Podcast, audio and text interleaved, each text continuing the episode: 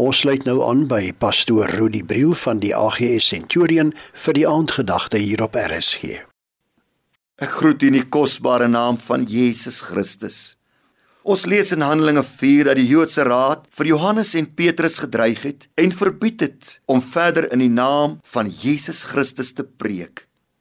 Die gelowiges wat daarvan gehoor het, het toe eendragtig tot God gebid en onder andere bid hulle die volgende woorde: En nou Here, let op hulle dreigemente en gee aan die diensknegte om uit alle vrymoedigheid u woord te spreek, deurdat u u hand uitstrek tot genesing, tekens en wonders deur die naam van die heilige kind Jesus.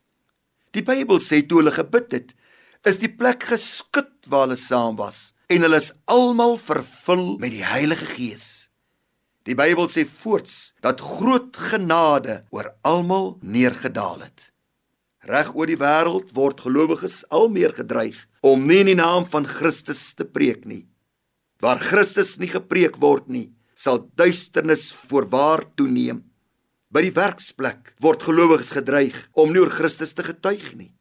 Laat ons dan as gelowiges eendragtig begin bid oor hierdie tipe dreigement bid vir predikers reg oor Suid-Afrika en die wêreld om met vrymoedigheid en met dapperheid Christus as verlosser te verkondig. Bid dan voorts dat God sal saamwerk in genesings, in wonders en tekens. Bid dat 'n opskudding in die geesrealm in Suid-Afrika sal plaasvind. Bid vir 'n magtige uitstorting van die Heilige Gees.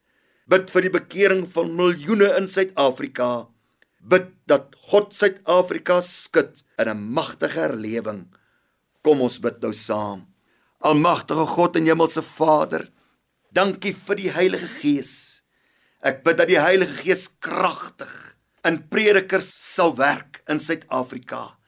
Ek bid vir dapperheid, vir vreesloosheid en ek bid dat U sal saamwerk met wonders en met tekens, met genesings en kragte, Here in die naam van Jesus Christus. Amen. Dit was dan pastoor Rudy Briel wat vanaand se aandgedagte hier op RSG aangebied het.